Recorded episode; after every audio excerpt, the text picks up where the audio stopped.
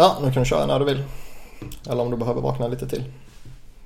Då mina damer och herrar säger vi hej och hjärtligt välkomna till ett nytt avsnitt av Svenska fans NHL-podd. Mitt namn är Sebastian Norén och med mig så har jag Niklas Wiberg.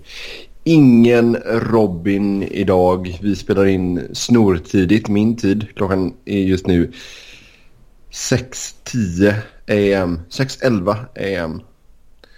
Så eh, Robin är och bossar på Toys R Us. Så jag och Niklas får styra det här skeppet i hamn när vi ska prata Pacific Division. Men. Brunnäsa och tar chefens uh, pass när vi hade bestämt att vi ska podda.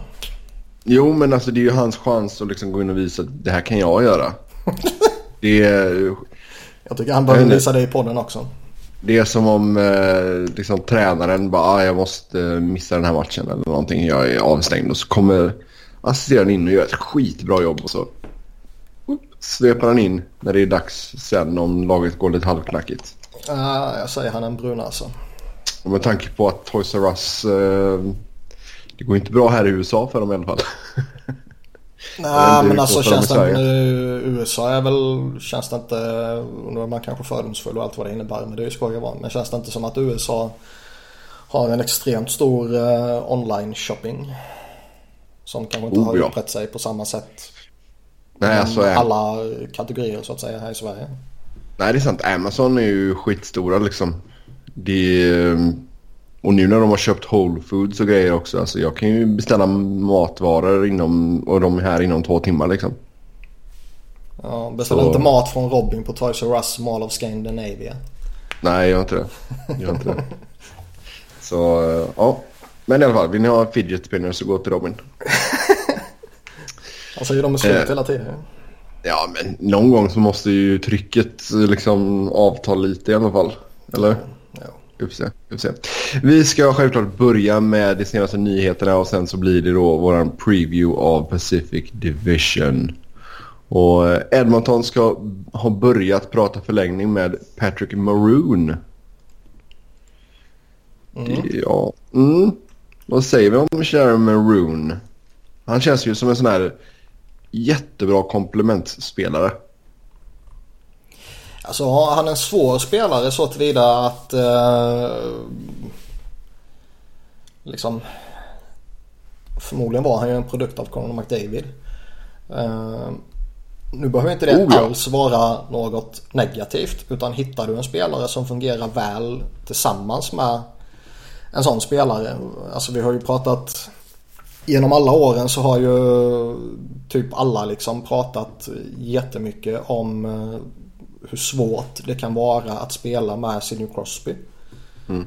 Bara för att han är så helvetes duktig och så tänker han hockey på ett annat sätt. Och, eh, alltså Pittsburgh har ju provat rätt många framträdande spelare jämte honom. Kanada har provat rätt många framträdande spelare jämte honom och alla eh, har ju inte lyckats med dunder och brak om man säger så.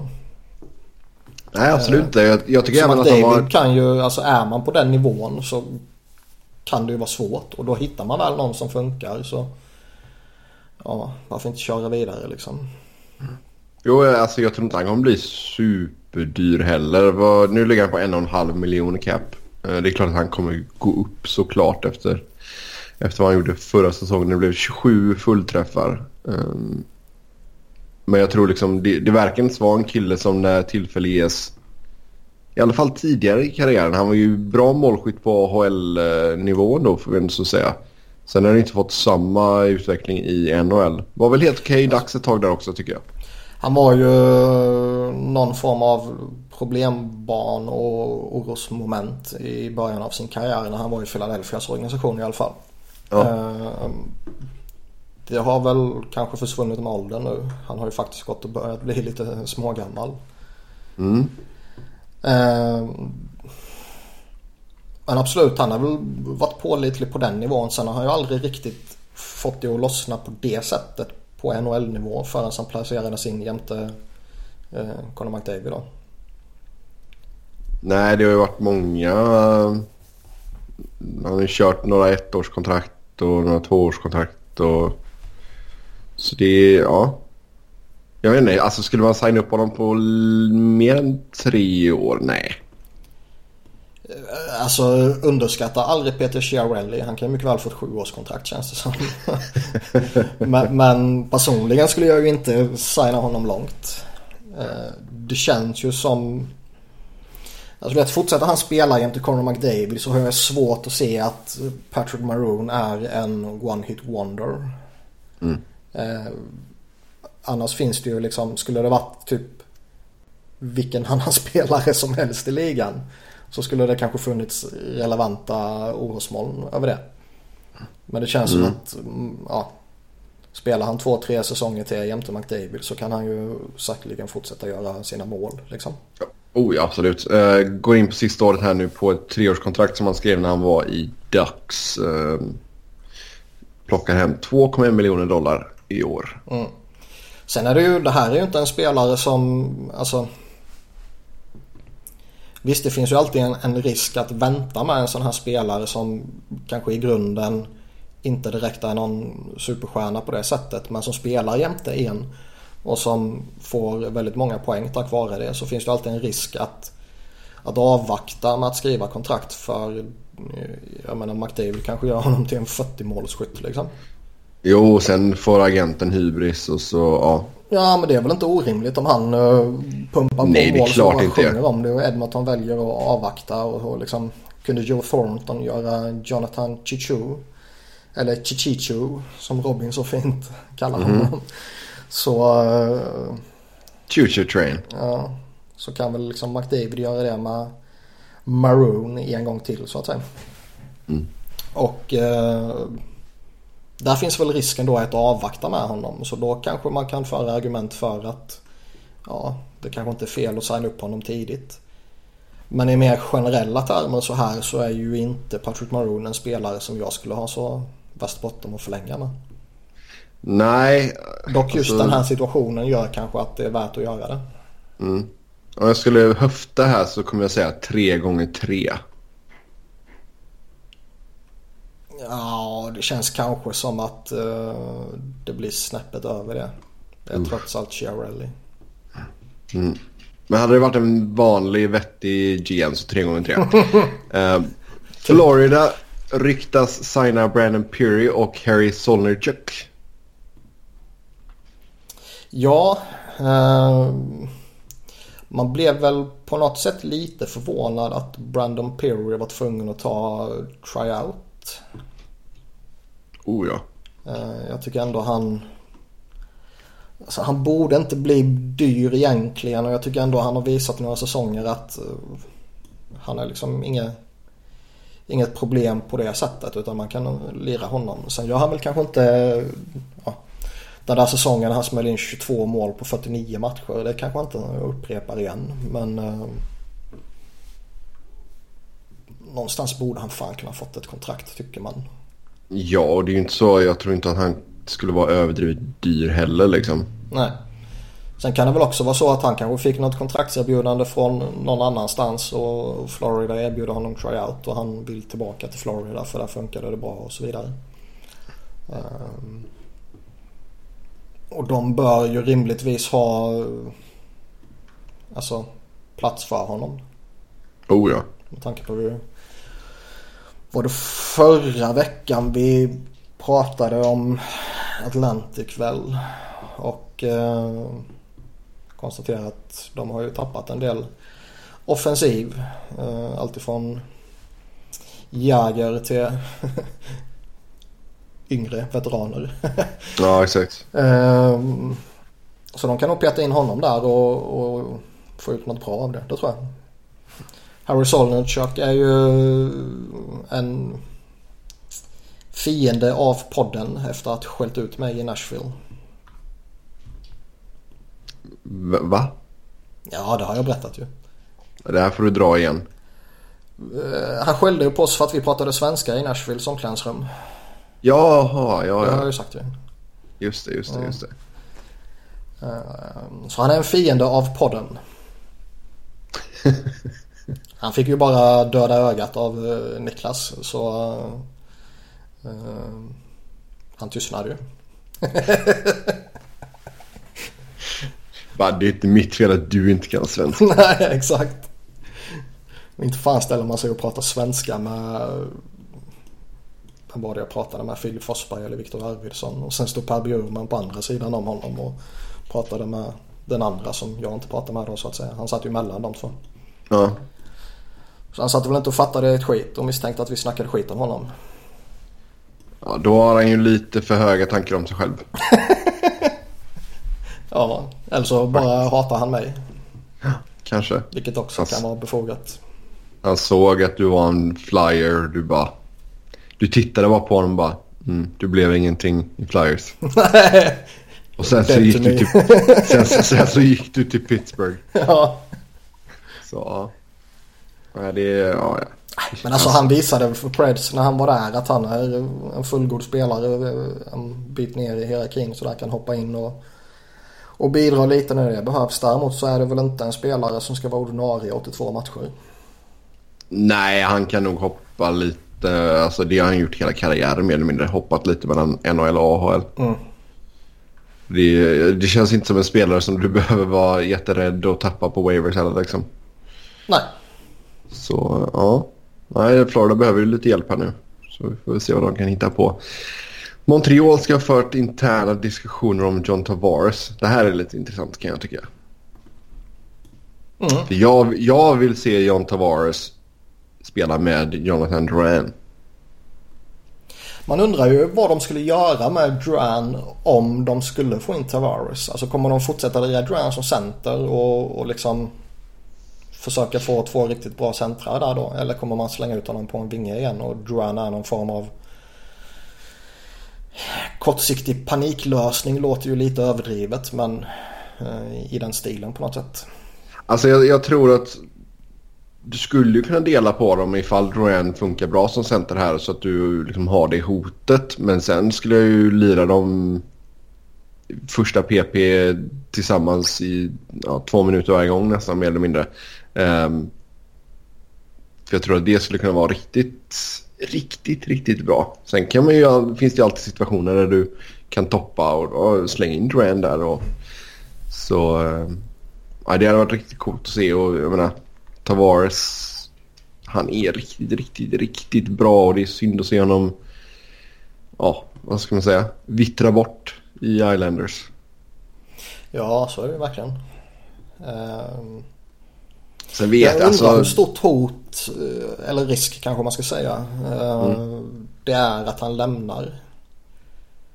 För alltså hela den organisationen omgärdas ju av frågetecken. Det är ju inte bara hans framtid som är eh, högst oklar utan hela arenafrågan och, och det där är ju, hänger ju fortfarande över dem. ja alltså jag menar, du har egentligen, du, vadå, du har två säsonger med Eberle. Känner han att ja, det här var inget kul, ja, då går ju han och blir UFA om två säsonger liksom. Ja, så dumpar man iväg honom. Mm. Men det känns Så, liksom eh, som att jag undrar, eller det borde i alla fall rimligtvis vara så om de två eh, stora grejerna liksom är sammanflätade på någonting. Eller på något sätt. Att liksom Tavares vill kanske inte signa nytt innan man vet arenafrågan och är det några som ska börja investera och sådär i en, i en ny arena och man ska lägga pengar på det. Vill man kanske veta om om liksom vilket skick kommer laget vara i. Eh, Ja. Det vill säga kommer Tavares att vara kvar eller kommer han inte vara kvar. Ehm. Så det, den här säsongen kan nog bli väldigt avgörande för Islanders på väldigt många sätt. Oh ja. Men alltså sen så visst, vi bygger upp detta liksom, åh Tavares kanske blir UFA och du vet, jada jada jada. Men eh, vi har sett det så många gånger för att liksom, vi sitter här och hoppas på att det ska hända någonting stort liksom och sen så bara, ja han förlänger, jaha. Alltså, det, alltså spontant känns ju kanske snarare en trade mer sannolikt än att han blir UFA. Och jag, jag tjatar om det här varenda jävla gång det är en stor spelare som går mot UFA-status. Liksom att man kan verkligen inte gå in i säsongen med en sån här spelare som UFA. Eller som pending UFA då. Mm. Eh, vi såg ju vilken kaos det var kring Steven Stamkos. Och det kommer inte bli mindre kring John Tavares. Nej. Även om Toronto-kopplingarna bör väl vara lite färre nu liksom. När de har fått fram Austin Matthews och en ny generation där liksom. Eh, men många lag lär ju vara sugna på honom med tanke på att han är jätteduktig. Oh ja. Och eh, få all den kaosen kring honom och kring Islanders. Det tror jag ju knappast är gynnsamt.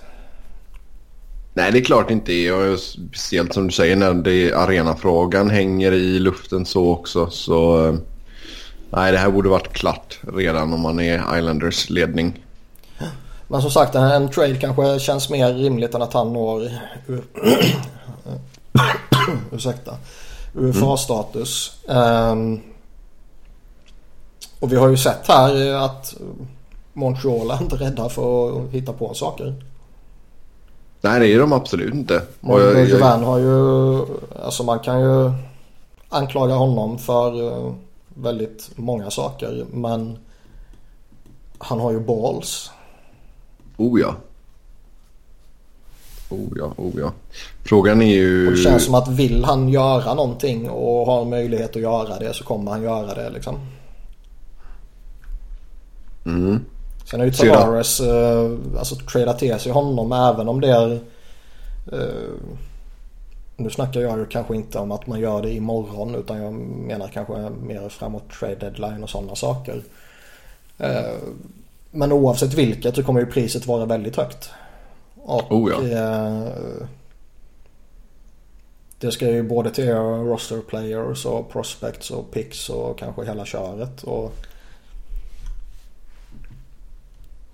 någonstans kanske Montreal ändå har pusselbitarna för det.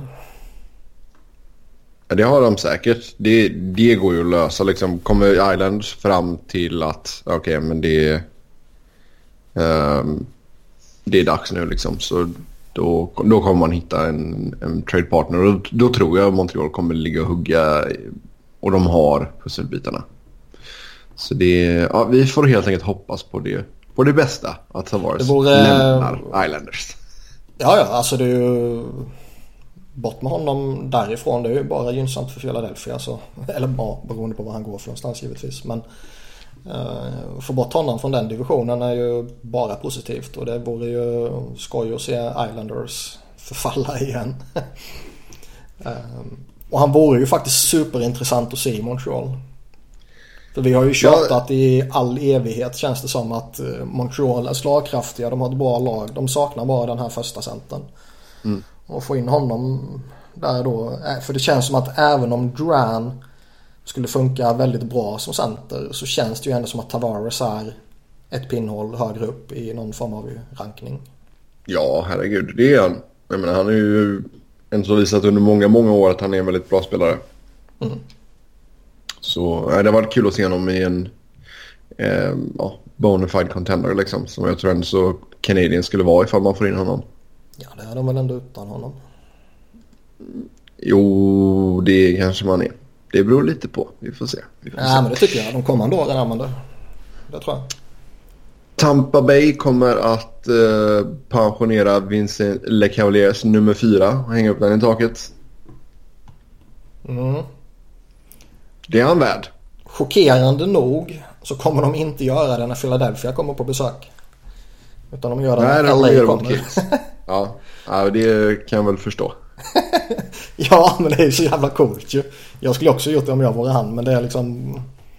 Eh, säg så här, det är nog ingen slump att det inte blev mot Flyers. Nej, alltså jag vet inte. Brukar, brukar Flyers ha många borta supportrar på matcherna mot Tampa?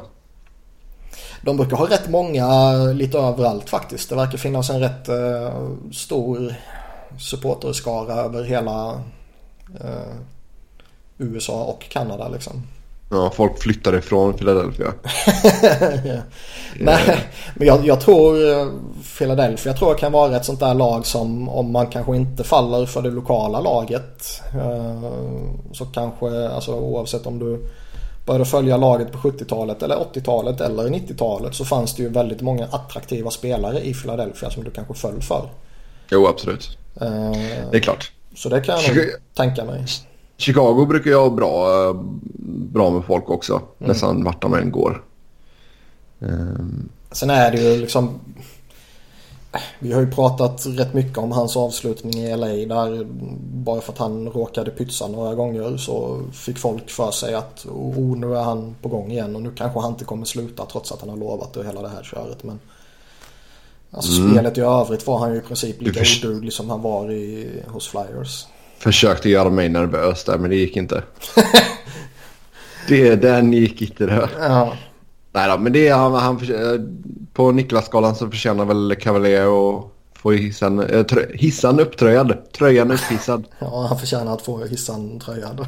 ja. Uh, nej men fan, han var liksom hela the face of the franchise från begynnelsen nästan. Och jätteframgångsrik i deras uh, korta historia och sådana där saker. Så det, det kan man väl köpa. Mm. Det är ju lustigt dock eh, kan man tycka att de två största spelarna i Tampas historia känns det väl som att de flesta skulle hålla med om är Martin Saint-Louis och Vinnie Cavalier. Mm. Men båda två lämnade ju organisationen lite sådär halvsmutsigt. Ja. Eh, sen var det olika anledningar men den ena ville desperat bort och verkar ha velat så flera gånger om typ. Och den andra blev liksom utköpt och utslängd. Ja. Är lite fascinerande ändå. Sen ska väl kanske inte det påverka helhetsintrycket när man blickar tillbaka sådär. Men det är ändå lite, lite häftigt. Mm. Ja, Sen eh, ligan kommer att granska... Sen är det, kan man ju konstatera att det är ju direkt provocerande att han har Philadelphia-kläder på bilden på Elite Prospects. Ja. Ja, det får någon gå in och ändra. Ja, det får jag styra upp. Ja. Ja, men jag tycker alltså ibland så är det ju... Ja.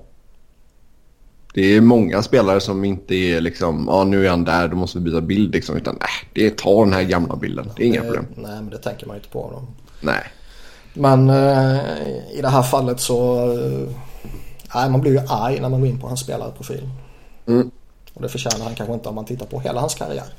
Nej. Sen eh, Eric Cole går officiellt i eh, pension. Mm. Fem, 15 säsonger blev det en sån där spelare som, ja, hade inte han redan gjort det? Mm. Eh, men han gjorde det som en Kane. Och då menar jag inte Patrick Kane utan en Kane som i Carolina Hurricanes. Ja, skrev ett ett, år, ett, ett års, ettårskontrakt. Ett, ja. en dags kontrakt ja. med Hurricanes. Alltså bara, ja, en sån där spelare som han var ju rätt effektiv och rätt duktig och han var ju uppe och runt 30-talet mål några säsonger sådär. Sen eh, hade han ju enorma skadeproblem också. Jag för mig det var, var det nacken eller var det ryggen? Jag minns inte, jag tror det var nacken va? Eh, Som han hade ja, jätteproblem med och, och liksom fick ju... Eh, ja, lyckades komma tillbaka från det ändå och eh, nu blev ju avslutningen på hans karriär inte den sexigaste direkt men eh, och, och någonstans får han ju liksom symbolisera typ liksom Detroits uh, idioti som började för några år sedan här när de plockade in massa galna usla veteraner och gav upp tillgångar för det när de bytte till sig honom från Dallas till exempel. Mm. Men då hade han ändå gjort en helt okej okay säsong. Alltså för, jo, Dallas. Men liksom Detroit i det läget de var där. Vi har ju pratat om det. De har ju inte fattat vilken situation de var i liksom. Och så plockar de in Nej. honom och ger upp liksom Mattias Janmark som... Uh, nu är jag ju en direkt motståndare till att överhypa svenskar så det ska man ju inte göra. Men han är ju förmodligen en NHL-spelare. Uh, och skulle varit så betydligt tidigare om det inte skulle varit för den här skadan.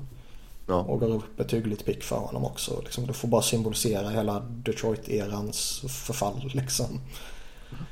Uh, men ska man summera hans karriär så Ja, den var bra. Han var ju en, en viktig kugge när de vann, eh, eller den säsongen rättare sagt när de vann kuppen. Sen var det väl där runt omkring som skadeproblemen började då.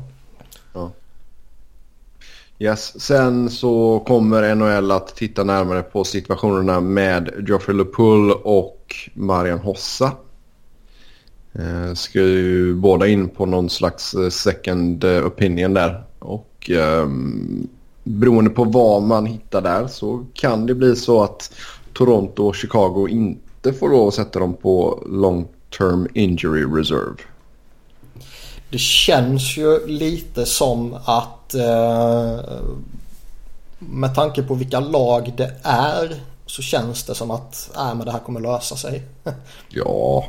Det är liksom två av de mäktigaste och i ett av fallen mest framgångsrika eh, på senare åren i alla fall.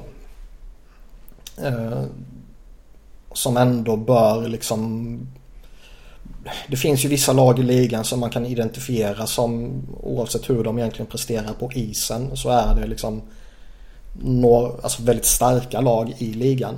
Eh, Toronto är ju ett sånt lag till exempel. Mm. Och Chicago, gammal klassiskt lag som nu de senaste åren här ju har varit extremt framgångsrika. Det känns som att de är ju extremt mäktiga när det kommer till sådana saker också. Eh, så ska man vara lite konspiratorisk, vilket man givetvis ska vara. Och om man ska vara kritiskt lagd till ligan, vilket man eh, givetvis ska vara. Och så ledes väldigt misstänksam. Och med tanke på att det sker mycket sådana där småfuffens bakom kulisserna liksom. Så det här kommer ju lösa sig på något sätt. Jag, jag, tror det är ett sätt för ligan att eh, liksom, nej men vi tar det här på allvar. Nu ska vi undersöka. Nej vi hittade inget, nu kör vi. Exakt. Eh, där jag håller helt med dig. Jag tror inte det kommer hända någonting med detta. Däremot, även fast det hade varit extremt roligt ifall det gjorde det. Ja, däremot om det skulle ske som du säger så skulle det vara så jävla skoj. Och de skulle ju kunna hamna i lite småproblem. Chicago är ju redan över lönetaket liksom. Och de har väl någonstans kalkylerat då med att Hossas pengar försvinner. Och det är ja. rätt många i fyra år till liksom. Exakt. Jo, alltså skulle, men samtidigt så tror jag ändå så att de skulle kunna typ betala något lag för att ta honom ifall det skulle skita sig. Kan man mycket väl göra, men uh, nu slapp de ju det. Mm. Och där ja, är, är ju, alltså båda de här situationerna är ju som intressanta. Hossa är ju liksom jag vet, allergisk mot sin hockeyutrustning. Man kan ju inte låta bli att skratta mot, åt det liksom. Framförallt när slumpen är så liksom okej okay, när han skrev det här kontraktet så såg alla att han ska sluta den här sommaren. Eh, så det är klart att man måste typ undersöka det på riktigt liksom. Ja. Och Paul som vi pratade om förra veckan när eh, han typ själv indikerade på att äh, jag är minsann i speldugligt skick. Mm. Ja det, skulle, ja, det skulle bli jäkligt intressant. Jag menar, det tänk då ifall man skickar iväg Hossa, betal, du betalar för att skicka iväg honom. Och sen så tvingar det andra laget såklart honom att spela. ja, han får ny hockeyutrustning. ja, det kanske är det. Han har spelat med samma utrustning i 22 år. det, det är där problemet ligger. um, hur ser vi på de nya reglerna? Det har kommit in lite nya grejer här då inför säsongen. Um, vad ska vi börja med? Ingen timeout efter icing. Eh, ja, det känns väl... Eh, ja. Jag sitter ju inte och hetsar upp mig om det liksom. Nej. Men eh, det känns väl rimligt. Det ja, alltså det, vettigt på det, något sätt. Det är lite sådana här små justeringar de gör för att ge ett hopp om att boosta offensiven att vi ska få mer mål och sådana grejer. Så det är ju en grej liksom. Mm. Eh, och sen... Offside challenges. Um, en, om man bommar en offside challenge så får man en två minuters uh, utvisning. Ja, det har ju blivit parodi på de här jävla... Uh, I synnerhet offside challenges tycker jag. Mm. Så det är väl rätt att man försöker dra ner på det. Och sen så ska man lägga fokus på face-offs och så att det, allting går rätt där. Um, det känns som... Alltså generellt, det, det, på, det pågår väl någon form av inte debatt gör det väl kanske inte men det finns ju två läger i alla fall. Där kanske mer old school-lägret eh, fortfarande värderar teckningar extremt högt och eh, vi har ju pratat om det genom åren också det här att eh, är det någon jättestor skillnad om du vinner 6 av 10 teckningar eller 5 av 10 teckningar liksom. Mm. Och den här liksom, det, finns, det känns som någon, alltså det andra lägret är väl kanske då den här lite mer nymoderna och lite mer advanced inriktade delen typ som kanske anser att ja, teckningar är väl kanske lite överdrivet. Ehm, men det känns väl lite som att det här är någonting man gör för att eh, ja, för att göra någonting. Mm. jag, jag har personligen som bara någon sån här allmän idiot som sitter och tittar på matcherna så har jag Jag kan inte påstå att det är någonting jag har stört mig på liksom. Men det var mycket, alltså det var lite snack om att de ska hedra i teckningarnas integritet liksom. Precis som det är något, något jättevackert och något extremt betydelsefullt liksom. Jag har aldrig stört mig på det men visst alltså. Kan man få det till att bli bättre så är det väl bara positivt. Ja. Eh, vad har vi mera? Eh, om du spelar med hög, hög klubba på powerplay. Eller i powerplay ska jag säga. Uh-huh. Så istället för att flytta tillbaka teckningen i, hela vägen ner till defensiv zon så kommer man att köra det i neutral zon. Ja, det uh, visste jag inte ens att det var. mm. Eh, det har ju varit rätt mycket fokus annars mot uh, slashings där de vill, uh, det kanske inte är en regelförändring så sett. Men kanske snarare att man ska tillämpa regelbrottet mer ofta typ. Ja. Uh, under preseason här har det ju blivit rätt många utvisningar. Dels för att de ska försöka dra ner på antalet slashings och dels för de här face of violations då som alla spelarna inte riktigt har greppat fullt ut ännu. Mm. Uh, och slashings är ju, alltså nu kanske Mark Method uh, säger emot mig. Men det känns inte som att det är det mest det värsta regelbrottet som finns direkt. Däremot, alltså det, det där, finns ju en, en, en, skala där liksom. Ja, alltså där, där, vissa... Däremot så tycker jag ju att man har ju under föregående säsonger Alltså det är väldigt ofta jag ändå ser situationer där man irriterar sig över att Men alltså det där är ju en solklar slashing. Varför tar ni inte den för? Ja. Uh, oavsett om det drabbar Philadelphia eller något annat lag som man, alltså någon match man sitter och slötittar på eller sådär bara. Så det tycker jag ju faktiskt har varit ett genuint problem. Mm. Uh, sen fanns, finns det ju alltid det här liksom, fan det är inget större problem än våldet mot huvudet men det kommer de inte bry sig om så länge den här stämningen pågår liksom. Nej exakt. Nej, mm. så de kommer väl försöka tajta till det lite med allt det andra. Och som uh. supporter uh, mm. är det ju någonting som tilltalar mig. Uh, nu kommer det givetvis innebära att Flyers kommer få utvisningar emot sig eftersom Flyers är Flyers. Uh, men en av orosmolnen, eller ett av orosmolnen över Flyers är ju faktiskt Claude Giroux status. Och får Flyers ännu mer powerplay så innebär ju det förmodligen att en av ligans bästa powerplay-spelare kommer få ännu mer chanser i powerplay. Mm. Och rimligtvis kan man väl kanske då anta att han kommer göra uh, lite fler poäng också. Ja. Så det jo, skulle, det är klart. Det skulle alltså, vara trevligt så sett.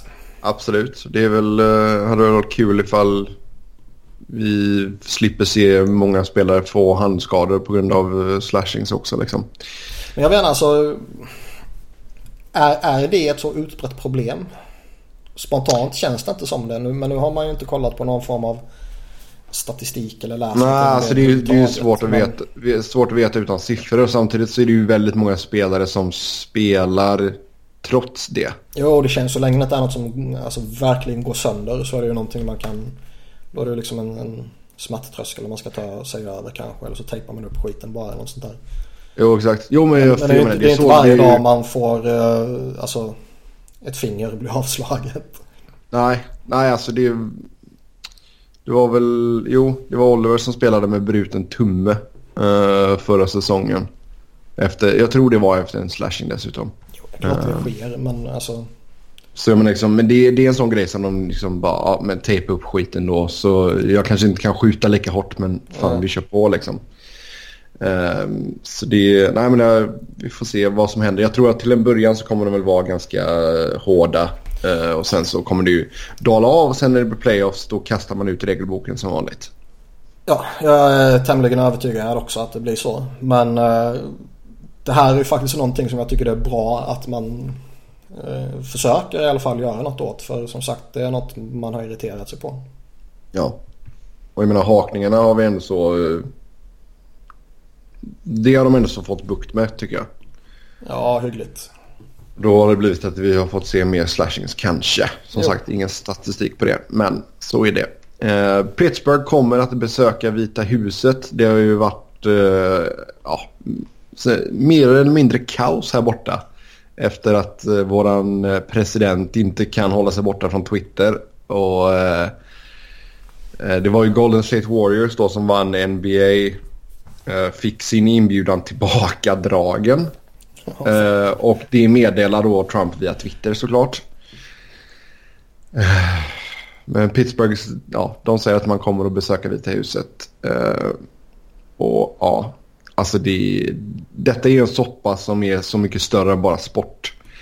Eh, Alltså jag brukar personligen försöka så gott det går att särskilja på sport och politik. Inte för att jag anser att det inte hör ihop för det gör det i allra högsta grad.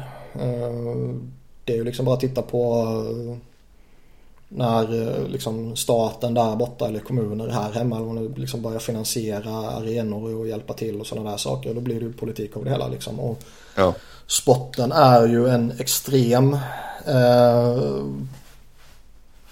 maktfaktor när det kommer till sådana här saker. Liksom, klubbarna kan ju ta avstånd eller stötta och framförallt spelarna som är eh, extrema förebilder kan ju också eh, sätta en agenda på något sätt ju. Mm. Så det är ett viktigt vapen eh, i politiken om man säger på det sättet. ja exakt. Eh, det Pittsburgh gjorde var ju liksom mitt uppe när den största debatten typ någonsin vad jag kan minnas i alla fall. Eh, pågår just om liksom typ eh, idrottens betydelse och vad man ska göra och vad man inte ska göra och sådana här saker. Och alla de här protesterna som ju då grundar sig i någon form av protest mot polisbrutalitet och eh, eh, ja, orättvisa mot eh, lägre raser. och det är ju inte min åsikt utan det är ju de andras åsikt att de här raserna är lägre stående då. Mm. Eh, mitt under det och mitt under det protesteras och sånt här då liksom slänger Pittsburgh ut allra högsta grad högst medvetet statement. Där det här statementet blir ett sånt extremt statement där man verkligen uh, indikerar då att det här är ingenting som vi ska syssla med. Uh, vi ska inte protestera, ni har ingen rätt att protestera. Vi ska minsann stötta den här rasisten och nazistsympatisören i eh, Vita huset. Mm. Nej, jag menar vadå, Tim Thomas, han vill inte träffa Obama. Nej, då sket han i det. Ja, det blev ju rabalder kring det också liksom. Och det var Ja. andra spelare som inte har velat eh, åka till Visa hu- Vita huset heller liksom. Men det blir Nej. bara liksom Nej, och jag menar det är ju deras eh, val att göra det liksom. Så jag menar är det någon i Pittsburgh som inte känner för att åka så åk inte. Det är ju inte mer med det. Men jag tycker, det, jag tycker inte Pittsburgh behöver gå ut med något jäkla statement att vi ska åka, det är en ära, bla bla bla. Eh, de behöver inte ha sagt någonting överhuvudtaget. Alltså det, det som blir lite lustigt är ju att jag läste någonting om att Pittsburgh liksom redan tidigare hade typ bekräftat att äh, men vi ska åka dit. Mm. Eller bekräftat någon inbjudan eller vad fan man gör, jag vet inte. Och sen då gå ut med ett sånt statement samma dag som hela det här skiten pågår. Det blir ju liksom... Det är en extremt usel PR för Pittsburgh i allmänhet och ligan i synnerhet liksom. Absolut. Där de här andra stora ligorna då tar direkt avstånd och, och protesterar och så samma veva går liksom ligan och Gary Batman då går ut och, och lämnar någon kommentar om att eh, nej men vi ska inte ta politisk ställning i det vi gör. Eh, fansen kommer på eh, på matcherna. De betalar dyra pengar. Då ska inte de se något sånt där. Utan det är spotten som ska eh, stå i fokus. Och det är det de kommer för att titta på. Eh, vi ska vara icke-politiska liksom. Men i samma veva så har du liksom Sarah Palin som kommer till Philadelphia och släpper pucken under uh, valår. Det är ja, exakt. grad är ju att vara politiska liksom. Ja, herregud. Jag menar hur många gånger har vi inte sett John McCain i Arizona liksom? Ja. Det, och sen, och sen är liksom, det ju... Det... Alltså må många av de här eh, ägarna till NHL-klubbarna är väl direkta polare med Trump också. Så då, då kommer man in i en annan uh, mm. twist också. Ja, och sen, alltså, sen är ju hela grejen, alltså, för er som kanske inte har följt det så jäkla mycket också. Så jag menar, NFL är ju de som har liksom varit mest högljudda nu på det senaste då med att folk tar ett knä under nationalsången och sådär. Och då, då går ju Trump och hans supportrar ut med att ja, det är oamerikanskt och man skändar flaggan och du vet sådana grejer. Det är ju inte det det här handlar om. Det, det är så jävla löjligt, verkligen. Och det... Sen är det väl, han försöker väl ta fokus från något annat. Alltså han är ju ja, det är klart. huvudet men han är ju inte eh, korkad på det sättet. Han är som en liten grinig femåring igen. Ja, jo, han bara, men, men liksom... Steph, Steph Curry vill inte komma och hälsa på mig. Nej, då får ingen komma. Nej, typ. Det är liksom, det är så jävla barnsligt, verkligen. Och ta bort hans jävla mobil. Låt han inte gå på Twitter. Alltså vad fan håller de på med? Det, det kan jag ju säga tycka det är ju Alltså den, den diskussionen så hör väl inte hemma i en NHL-podd. Nej. men, men, däremot hela liksom protesterna och vilken sits det sätter ligan i och, och liksom alla diskussioner. Det är ju allra högsta grad aktuellt att ta tycker jag. Jo, men det i slutändan så vi har the first amendment här i USA och det är free speech. Och du har rätt att visa, du har rätt att pro, liksom göra en protest om du vill. Är det någon spelare som vill ta ett knä på isen, visst gör det. Det har jag absolut inga problem med överhuvudtaget. Joel eh. Ward var ju ute och snackade om det var igår tror jag. Eller om det blev mm. natten blev det kanske. Att han uh, har inte tänkt på det jättenoga men typ att uh, det kan man definitivt göra typ. Ja. Sen var det ju... Det var någon i Tampa. Vem fan var det? Som gick ut och stöttade de här protesterna och han fick ju så mycket skit och liksom hat på Twitter och sådär så det var ju fan skrämmande att se. Jo men det, det finns många idioter helt enkelt. Jo så är det. Eh, men hela grejen grundar sig i liksom att Alltså ligan och Pittsburgh sätter sig i en sån jävla usel sits där uh, man liksom släpper det här extremt usla tajmade pressmeddelandet som ju är extremt vältajmat från deras sätt. Och ja.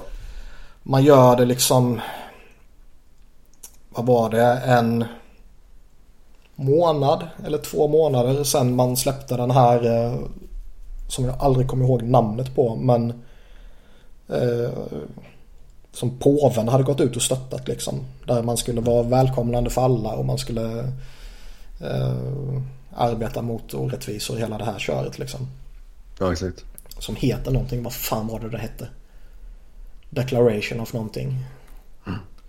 Eh, och sen så bara en månad eller två efteråt så går Pittsburgh ut och liksom motarbetar allt det fina som man försökte presentera där.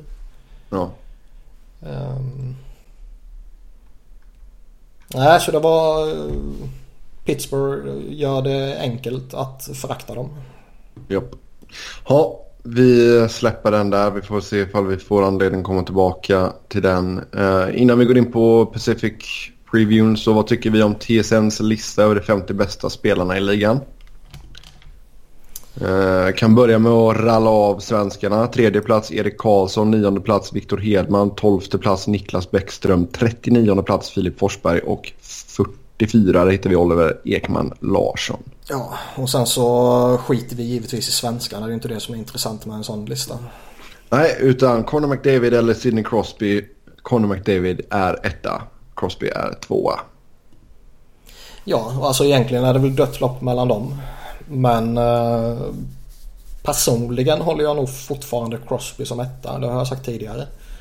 Eh, däremot så är det väl i allra högsta grad en jättestor chans att McDavid eh, går förbi honom i princip när som helst och blir den odiskutabla ettan. Mm. Nu tycker jag det liksom du kan flippa en slant så blir det liksom ja, skitsamma egentligen. Uh, Brent Burns hela vägen upp till åttonde plats. Uh, efter att inte varit med på listan under många, många år så var han 45 2015, sen 19 plats 2016, nu är han 8. Ja, och det är väl kanske fair någonstans där också. Mm. Austin Matthews kliver in som 10. Mm, det är väl inte orimligt. Alltså, om man kommer åtta eller tolva. Alltså där, där är det ju så extremt tight. Så det, det kanske spelar mindre roll. Det intressanta är ju de som har tagit stora kliv. Mm. Nikita Kucherov till exempel från 27 till 7. Ja. Uh, Jonathan Toews har de ju fan äntligen fattat att han är inte så jävla het längre. Uh, rasade från 7 till 27 då. Ja. Efter att ha varit trea, tvåa, tvåa tidigare liksom. Bara det var ju patetiskt. Det är fortfarande för högt. Ja det är det typ ju. Och sen har vi liksom Drew Dowdy som är eh, på plats 14.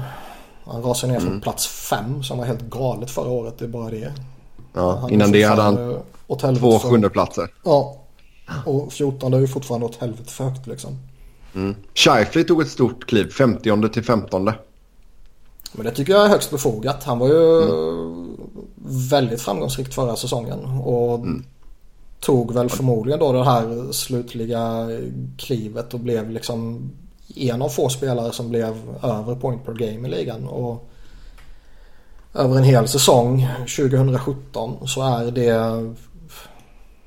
Alltså gå tillbaka några år så var det relativt många som kunde bli point per game eller däröver. Men det har ju förändrats. Absolut. Så nu är det en jättestor bedrift ju. Ja, den kedjan alltså. Line klev in som 26 Jack Eichel klev in som 21 Dreisaitl in som 23 eh, Vad har vi mer för ny? Pasternak in som 36 Matt Murray in som 41 Cam Talbot 47 och sen Mitch Marner 50 plats. Mm. Uh, ingen Nolan Patrick noterar jag och det är ju skandalartat. Lite tidigt kanske. Eh, noterbart är väl att Alexander Ovechkin faller av lite från plats 8 till 22. Mm.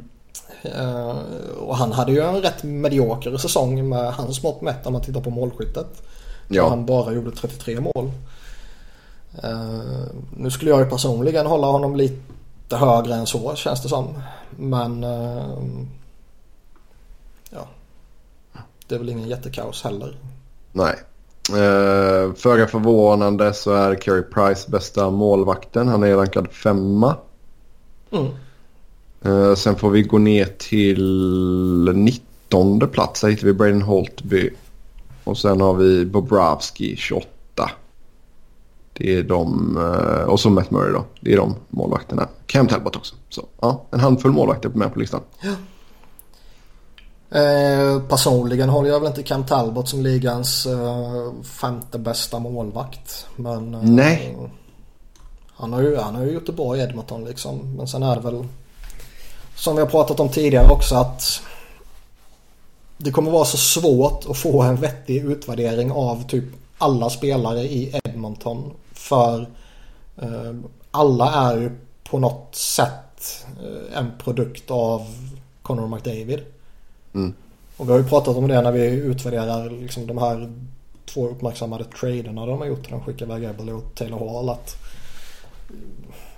I och med att laget oundvikligen kommer vara bättre än de här traderna eftersom de har fått in McDavid så kommer ju väldigt många påstå att de här traderna var extremt bra för Edmonton trots att de gav bort den överlägset bättre spelaren i båda traderna.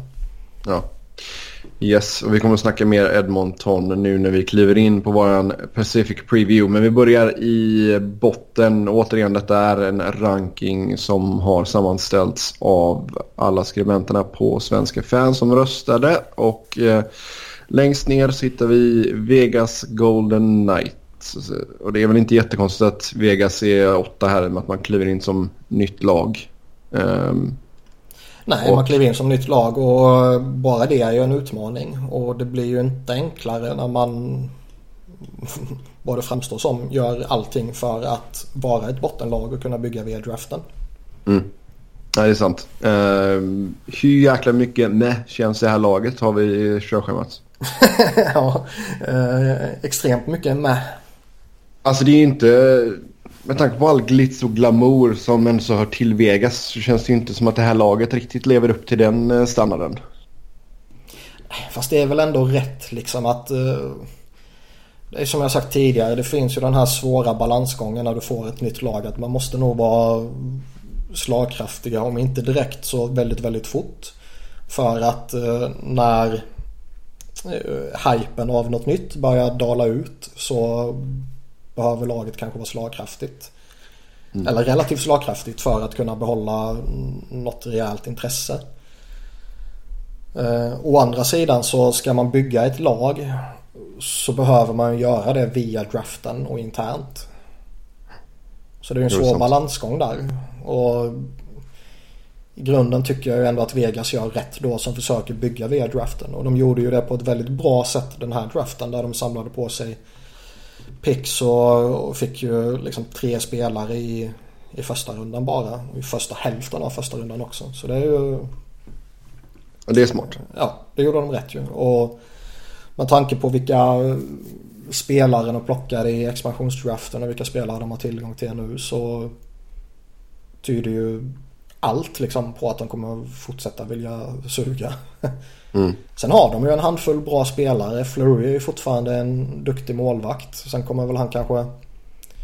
Jag tror han kommer få svårt att vara så bra som folk kanske tror och hoppas han kommer vara med tanke på vilket lag han spelar bakom. Jo, det är det jo, absolut. Utan att veta deras backuppsättning i och med att de har så många backar fortfarande. Så jo, där, där är jag villig att hålla med dig. Um, så vi får se ju, lite. Ja, de har ju några enstaka bra backar. Shea Theodore är ju verkligen superintressant. Nate Schmidt är en aning underskattad back tror jag. Um, sen har de ju James Neal som fortfarande bör kunna panga in några mål i synnerhet om han funkar bra med Vadim Chipachov. Som mm. är en... Uh, visserligen är han 30 år så han är ju halvgammal men uh, en jävligt intressant spelare som... Uh, han bör ju inte kunna vara i någon annan sits än första center i Vegas. Och får han spela Nej, med James Neal och... Alltså... Nu vet inte jag riktigt vad de har spelat under preseason här men släng in en David Perron eller en Jonathan Marchessault eller något sånt här så är det ju en bra första kedja liksom. Ja. Nej, det är, vi får hoppas. Alltså de kommer ju inte vara... Jag tror de kommer ta fler poäng än vad Colorado gjorde förra säsongen. Ja, det skulle det... fan inte vara möjligt att vara så usla. Nej, så det, det borde väl eh, kunna vara okej okay i alla fall. Men det, ja, det är ett projekt helt enkelt. Det, är man nybliven Vegas-supporter så ska man inte hoppas på några mirakel i, ännu i alla fall. Alltså jag tror väl ändå att på de flesta lagen i ligan så kan man ju ändå peka på liksom, faktorer som att ja men om allt det här funkar bra så ja, men då kan de definitivt utmana med slutspelsplats. Det kan du inte göra med Vegas. Nej jag tänkte säga det. Vegas är väl kanske det enda laget man inte kan göra det på. Mm. Sjua Det känns som att det är li lite för tunt rätt igenom bara. Ja. Sjua där hittar vi Vancouver. Och eh, gör man rätt här som tar in ett gäng veteraner jag tycker Vancouver är ett intressant lag så tillvida att eh, Å ena sidan tycker jag ju att de borde gynnas mer ur ett längre perspektiv att börja eh, slussa in eh, en yngre generation och, och, börja på något sätt bygga på eh, eller kanske inte bygga men liksom slussa in då de här yngre som man har på gång som faktiskt är lovande liksom. Mm. Uh, man har redan börjat göra det lite smått med Bo Horvath då som har uh, tagit ett jättekliv förra säsongen till exempel. Mm. Där var han ju uh, extremt framgångsrik. Och Brock Boser kom in och avslutade säsongen starkt och verkar ha gjort väldigt bra ifrån sig nu under eh, preseason också till exempel. Ja. Men sen har man ju ytterligare ett gäng då också. Liksom ska man kanske äntligen ge Jake Burton en, en riktig plats liksom. Och Nikolaj Goldobin, ska man inte släppa fram honom liksom? Det tycker jag verkligen. Han ja. är riktigt spännande faktiskt. Exakt. Det... Och, och liksom, men ska man göra det så... Ja, då kanske man inte ska signa alla de här veteranerna som man har signat.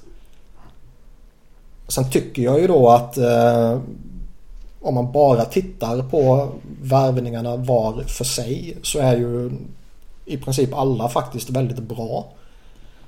Vilket är uh, chockerande för att vara ja. Vancouver. Men liksom Michael Del Soto, han är en duktig back för dem och han kommer stabilisera deras försvar. Uh, han nu var det lite skakigt förra säsongen men han fick ju ändå någonstans ordning på sin karriär i Flyers efter lite kaos i uh, Rangers och Nashville. Mm. Sam Gagner ska ju bli väldigt intressant att följa och se om han kan uh, liksom fortsätta på det han visade tendenser till i Philadelphia och sen så fick igenom i Columbus. Och, ja, alltså, men där ska ju verkligen de ta en... Uh en sida ur eh, Columbus playbook. Just på hur man ska använda Garnier. Alltså jag tror man kan använda honom i en liksom, framträdande 5 mot 5 roll. Jag tror inte man direkt måste eh, ha han i en sheltered roll så att säga. Utan uh, sätt honom i en gynnsam situation så tror jag han kommer funka bra 5 mot 5 också. Liksom. Sen är det klart han ska ju vara en powerplay specialist. Han ska inte vara din första center i alla fall. Så mycket kan vi säga. Nej, herregud. Men alltså Henrik Sedin och Bo Horvath är ju mil före honom som center mm. fortfarande känns det som. Jag tänkte mer på hans lilla stint i Arizona. Jo, jag förstår det. Men alltså sen kan man gå vidare till Thomas Warneck som också är en genuint bra värvning och som vi väl sa när han signade att liksom, varför tog det så lång tid? Mm. Han är ju duktig på riktigt fortfarande. Och anledningen till att han köptes ut av Minnesota var ju inte för att han var kass. Det var ju bara för att han var dyr. Ja. Och han kommer göra förmodligen sina 20-30 baljor och 40-50 poäng liksom. Mm, vi får se vad som händer där ifall han får spela med Sedinarna eller ifall de ska försöka få in eh, Louis Eriksson igen bredvid dem. Ja, eller Sam Gagné. Ja. Men sen man liksom yes. Alex Burmistrov kom in och man plockade in Ryan White och Scotty Upsall till kampen på tryouts och sådana här grejer. Och liksom bara det signalerar ju att ja, vi värdesätter fortfarande de här veteranerna och, och liksom eh, någonstans plockar man in sådana spelare så kommer de ju typ i någon form av hierarki placeras in före typ Virtanen och Goldobin då liksom känns det som. Mm. I alla fall signalerar det till att vi är inte redo att fullt ut visa er ett förtroende här. Nej. Eh, och den balansgången är så jävla svår just för att det är Vancouver och så länge man har kvar sedinarna så kan man väl som vi har pratat om tidigare då göra riktiga argument för att man bör försöka gå för det på något sätt. Mm. Sen bör ju de, jo, så är det. Alltså, för lagets bästa bör ju de uh, flytta på sig. Så att eh, man kanske inför trade deadline här skickar iväg dem. Sen kan man väl då tycka att de har gjort tillräckligt mycket för laget för att förtjäna rätten att bestämma själva vad de vill göra. Eh, vilket jag tycker är ett klart relevant eh, resonemang. Ja, där har man ju redan gått ut och sagt också att man inte kommer att skicka dem. Så det... Jo, exakt. Men liksom om man bara, bara isolerat tänker på det bästa kring Vancouvers Förlag. Ja, ja, så, herregud. Och liksom tänk dig de två gå in i en contenders liksom, tredje kedja eller någonting. Mm. Vet, Pittsburgh kommer gå stenhårt för att ta en tredje raka kupp och kommer ha lite cap space framåt trade deadline och kanske dumpa iväg någon för att skapa ännu mer utrymme och så här. Och sen plocka in de två som spelar i en tredje kedja bakom Crosby och Malkin. Ja. Eh, det skulle ju vara lite crazy.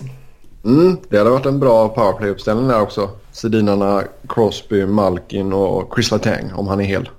Ja, de har ju lite andra vettiga spelare som kanske går före Sedinarna dock. Nej då, nej då, nej då. Um, sexa där hittar vi Arizona. Uh, bör man vara högre upp på den här rankingen? Uh, det här sammanställdes ju under sommaren så jag undrar om man skulle gjort samma rankning nu. Så tror ja, jag de skulle gjort in... någonting. Okej, okay. detta var alltså, var det innan, nej det var inte innan Ranta och Stepan kom in eller? Nej, nej, men det var ju nej. innan Jason DeMero till exempel. Ja. Och... Eh, innan eh, Kempes succé under preseason. Ja. Vad fan bryr sig om honom? Ah, det, han har fått så mycket lovord. Jo, jag vet, men... Eh, jag bryr mig inte, det vet du. jo, det vet jag. uh, nej, men Bra det, kän, det känns väl ändå som att...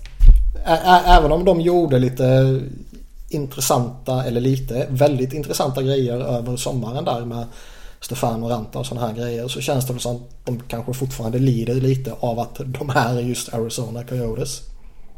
Ja, det är klart att namnet eh, ligger väl lite i fatet där. Eh, sen, vet, sen vet man ju inte hur alla de här, alltså det är ju väldigt många unga spelare.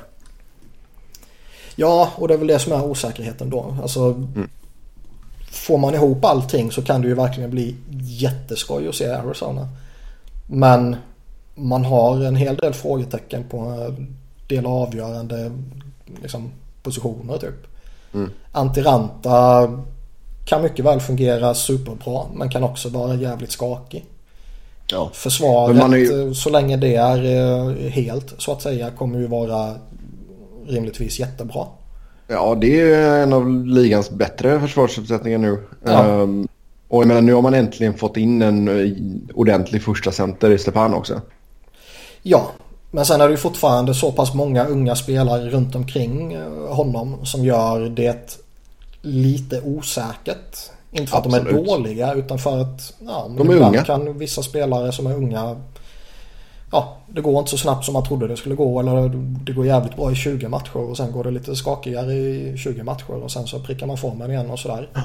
Exakt. Så det är lite osäkerhet helt enkelt. Ja, men som sagt, ju... släng in Clayton Keller och Max Domi, Dylan Strom och Perlini och Christian Dvorak och Anthony Duclair. Liksom, det, är, fan, det är superspännande. Mm. Och Mario Kempe. Ja, Sådär visst. Han har ett coolt namn ja, i och för sig, det kan jag ge honom. Ja. ja han har nog en eh, helt okej okay chans att ta en, eh, en plats faktiskt nu tror jag. Um, så det blir, det blir faktiskt intressant att se. Uh, anti, ja, Antiranta, alltså det är mycket är väl där om han kan få det att stämma. Um, det kan man ju säga om alla målvakter i ligan. För, jo, men alltså just för jag tycker inte att deras djup på målvaktssidan är inget vidare. Jag menar, Louis Domingue, ja, alltså han är väl en okej okay backup liksom. Men det är ju ingen som ska stå, han ska ju stå max 20 matcher, max.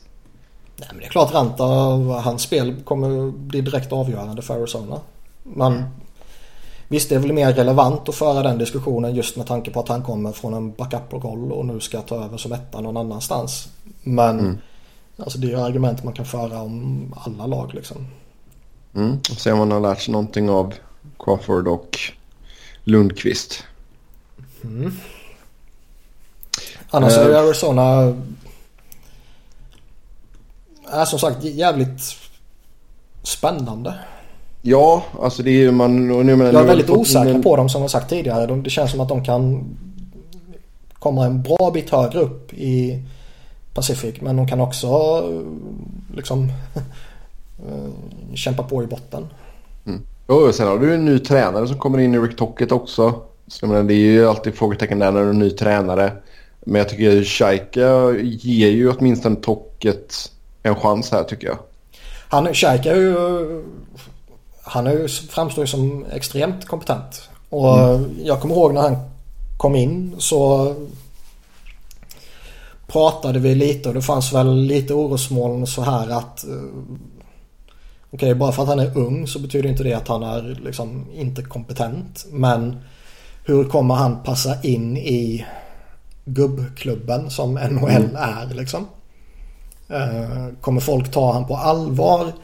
Och kommer han kunna hävda sig och kommer folk överhuvudtaget lyssna på honom när han kommer med några förslag typ? Eh, men han har ju kört över typ allt och alla liksom. Ja.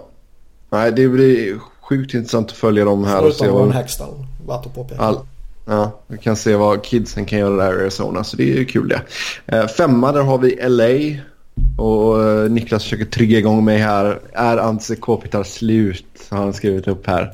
Vadå försökt trigga igång? Det är en fullt legitim ja. fråga. Nej, han hade lite down bara. Det, ta det lugnt här nu. Ja, jag, jag kan väl erkänna att det var för att försöka få dig arg. Mm. Däremot så sitter han ju inte på något bra kontrakt. Det har ju redan slått fast. Eh, 10 miljoner är lite väl mycket på honom. Eh, ja, men det är ju som vi har pratat om också. Det är väl oundvikligt. Det är ju det som är priset nu för en sån spelare och en sån center. Eh, mm. Som har varit med och gjort allt som han har gjort för LA och varit en toppcenter i så många år och kanske till och med varit eh, lite underbetald för det då.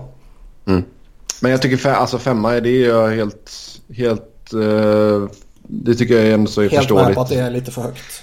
Nej, det är inte lite för Jag tror man kommer vara, man kommer vara ett bubbellag och slåss om en wildcard-plats liksom. Ja, nej, jag håller med. Jag bara tycker om att hata det... på Kings för att uh, på grund av dig och på grund av uh, Marcus Andersson som är LA-skribent och sådär. Ja, så jag menar liksom det är, visst du har ett par, alltså Kopita måste ju få ett bounce back year. Eh, Carter måste fortsätta som han gjorde förra säsongen då han mer eller mindre bar laget tillsammans med Peter Budaj.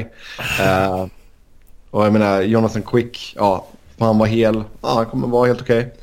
Okay. Um, Tyler Toffoli måste hitta tillbaka och göra lite fler mål. Tanner Pearson var ju den enda ljusglimten tillsammans med Carter förra säsongen. Och sen, ja, liksom hur länge får vi se Gaborik? Gör han fem matcher eller gör han 45 matcher? Ja, det vet vi inte. Mm. Uh, och sen, alltså det finns ju Nej, men man har inte, man har, man, har inte, man har inte plockat in någonting sexigt. Jag menar, du Nej, tar in Mike Camilleri liksom. Mm. Man har inte haft utrymme för det heller, så... Alltså, givetvis är det ju lätt att peka på Rob Blake och liksom varför har du inte gjort någonting? Men uh, man ska kunna göra någonting också. Ja, exakt. Och eh, LA som, som vi har sagt, liksom, de har en hel del intressanta grejer. Uh, Kopitar och Carter och Toffoli och Pearson är ju fyra jätteduktiga forwards. Och Drew Dowdy, även om han givetvis är väldigt överhypad så är han en klart kompetent back. Uh, Alec Martinez, Jake Massin, samma sak. Och Jonathan Quick, ja det är ju samma grej som Drew Dowdy, extremt överhypad men fortfarande en kompetent målvakt liksom. Mm. Problemet är ju inte stommen, problemet är ju allt annat. Ja. Som verkligen är på riktigt mer eller mindre odugligt. Och där många av dem dessutom sitter på kanske både välbetalda och långa kontrakt. Mm. Eller i alla fall något av det ena. Jo, jo, herregud. Uh, så där har ju Blake liksom någonstans, alltså gör en jämförelse med typ mitt Philadelphia där Ron Hextall Alltså innan han kunde börja göra någonting så var han ju tvungen att liksom plocka sönder Paul Holmgrens eh, kaosbygge. Och det är nu jo, som Hextall man liksom, han ska börja bygga upp någonting. Nu fick han ju Nolan Patrick serverade på silverfat så det underlättar ju såklart. Uh, men någon, ja det gör det.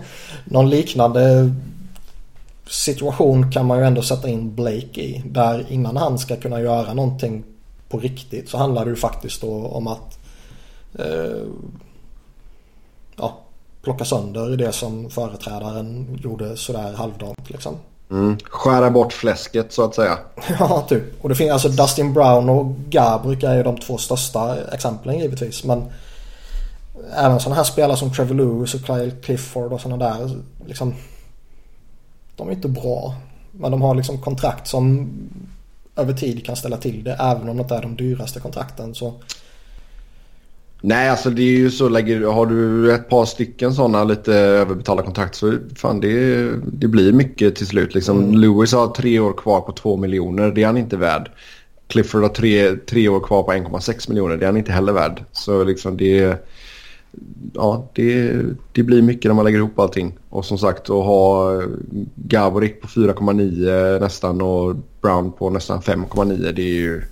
Ja, Gabrik i sig, jag, jag, tror vi har pratat tack om det för tidigare. Lombardi. Liksom. Eh, men, men Gabrik tror jag liksom... Alltså blir han bara frisk? Och nu är det ju extremt stort jävla frågetecken. Ja. Men blir han bara det så även om han är gammal så tycker man ju ändå att han borde liksom kunna göra några poäng här och där. Mm. Men han kommer fortfarande inte vara värd de pengarna. Det är ju det, nej, det nej, nej, nej, nej. Men, men liksom jämför med Dustin Brown som har jättemycket pengar och som är frisk och som inte gör ett skit. ja, frisk inom situationstecken då liksom. Ja, jo. Den klassiska powerforwarden som har börjat bryta sönder liksom. Men jo. Eh, om Gabrik bara är frisk så finns det ju ändå en talang där liksom. Mm. Och samma sak här, ny tränare. Även fast det liksom blev en promotion internt. Uh, det verkar som man lägger mer fokus på speed och allt sånt där nu under försäsongen.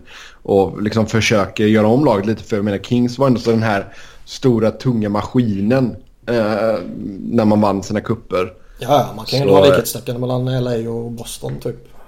Så det, nu gäller det att man anpassar sig till uh, till eh, den moderna eh, ligan som vi har idag. Det är mycket fokus på speed. Så vi får se ifall Stevens kan lyckas med det. Fyra, ja, där har... Vänta lite. Det, det var ju jävligt intressant dock om det var eh, förra veckan eller för förra veckan. Och sånt där som jag inte tror att vi faktiskt nämnde. Vilket var lite lustigt för det känns eh, som stor hatpotential. Men eh, Drew Dowdy var ju ute och snackade om att han kanske inte ser sin framtid i LA. Nej, det kan jag Kontraktet förstå går ut om också. två år liksom. Och redan nu börja prata om det är ju ändå lite värt uppmärksamma. Mm. Och det känns som att uh, skulle man skulle vissa andra spelare och vissa andra backar i ligan börja göra det eh, utan att nämna några namn så känns det som att det skulle kunna ta hus i helvete. Mm. Men när det blev Dowdy som är liksom de här superrespekterade och överhypade backen så liksom, ja ja men det är ju rimligt. Jo. Men hur, liksom, hur, hur går LA-tankarna där? Alltså jag kan inte förstå. Jag menar nu sitter han på 7 miljoner i capita två år till. Kommer vara 29 när detta går ut. Um, och jag menar liksom han kommer ju vara en av de spelarna som försöker komma upp till den här magiska 10 miljoners gränsen tror jag. Och det kommer han inte kunna få i LA. Um, ehm, och det är han inte värd heller. Jag menar jag hade ju... Då hade jag hellre lagt 10 miljoner på Erik Karlsson. Ehm, så eh, Ottawa och LA bör göra en trade där. Där Erik Karlsson går till LA. Han känns jäkligt LA-kompatibel. Jag tror han hade... Erik Karlsson hade älskat att bo i Hollywood. Ja, det kan jag nog i och för sig hålla med om. eller klart, man bor inte riktigt i Hollywood. Man bor i typ eh, Bel Air eller någonting. Men, jag fattar eh, vad du menar. Det är, ja. Så Erik Karlsson till LA, den, den får vi börja pumpa på här nu. ja, gör du det? Det hade varit eh, mumma. Ja. Nej, så är liksom det, det jag, ja, Drew Doughty kommer inte vara värd de pengarna för, uh, speciellt men inte men har för det, LA. Nej, nej. Men har det börjat gnällats någonting om att han liksom börjar snacka om att han kanske vill bort från LA? Alltså jag har inte sett någonting från Bernstein eller från Hoven riktigt eh, angående detta. Så det, eh, vi får se vad som händer och fötter. Men att samtidigt så gör han en bra säsong ifrån sig nu och man vet att han inte kommer att vara sugen på att förlänga. Så ja, du kan nog få ett ganska bra pris för honom nästa sommar. Jo, jo säkert. Och det, det är ju också en sån grej. Det kan ju vara värt för Kings också. Även fast man kanske inte får tillbaka den liksom naturliga ersättaren direkt. Så jag menar, kan du fingra laget lite eller om du kan få in ett par pusselbitar i och med att laget är som det är liksom. Mm. Så eh, ja, det kan jag så köpa. Nu är Stella vaken också. Mm. Eh, så det kan jag köpa. Sen jag menar, jag har ju svårt att se Kings gå tillbaka och bli eh, så dominanta som de var för ett par år sedan liksom. Nej, så är det. Då, då måste du bort med både Brown och Gaborik och liksom bygga, bygga nytt så att säga. Mm. Och underifrån så finns det inte jättemycket att hämta just nu. Nej, det är dagens Så- sanning. Mm. Fyra, där hittar vi San Jose och eh, håller man en säsong till? Är frågan här. Eller oj, ja, ja, håller man en säsong till? Eh, ja, det bör man väl kunna göra. Mm. Alltså är det något... Alltså man tappar ju som Marlö. Jag vet att han är Marlö. Han må vara gammal men han gjorde en så en ganska bra säsong i fjol. Eh, Men han har varit pålitlig här mot slutet och eh, alltså, det är som jag har sagt tidigare. Både han och Thornton har ju fått eh, egentligen lite väl mycket oförtjänt skit. mm. Vem ser du ska steppa upp och ersätta hans produktion då? Eh, För jag menar det är ju inte ett jättesexigt lag på pappret. Tycker jag inte. nej, alltså grejen att det finns ju saker att vara orolig över om man är Sharks-supporter. Joe Thornton håller jag jättehögt och det han har gjort på, på ålders höst här nu är ju väldigt imponerande. Men han är 38 år och kommer från eh, en hyggligt stor knäskada. Mm. Och alltså förra säsongen var ju ett rätt stort steg tillbaka för honom om man jämför med föregående säsong. När han Ja. gjorde den här point per game säsongen som den var ju en av de bättre säsongerna på rätt många år av en 35-plussare. Så att han skulle fortsätta hålla den nivån. Och som han sen följde upp med ett bra slutspel när de gick till final. Det var ju kanske lite orimliga förväntningar.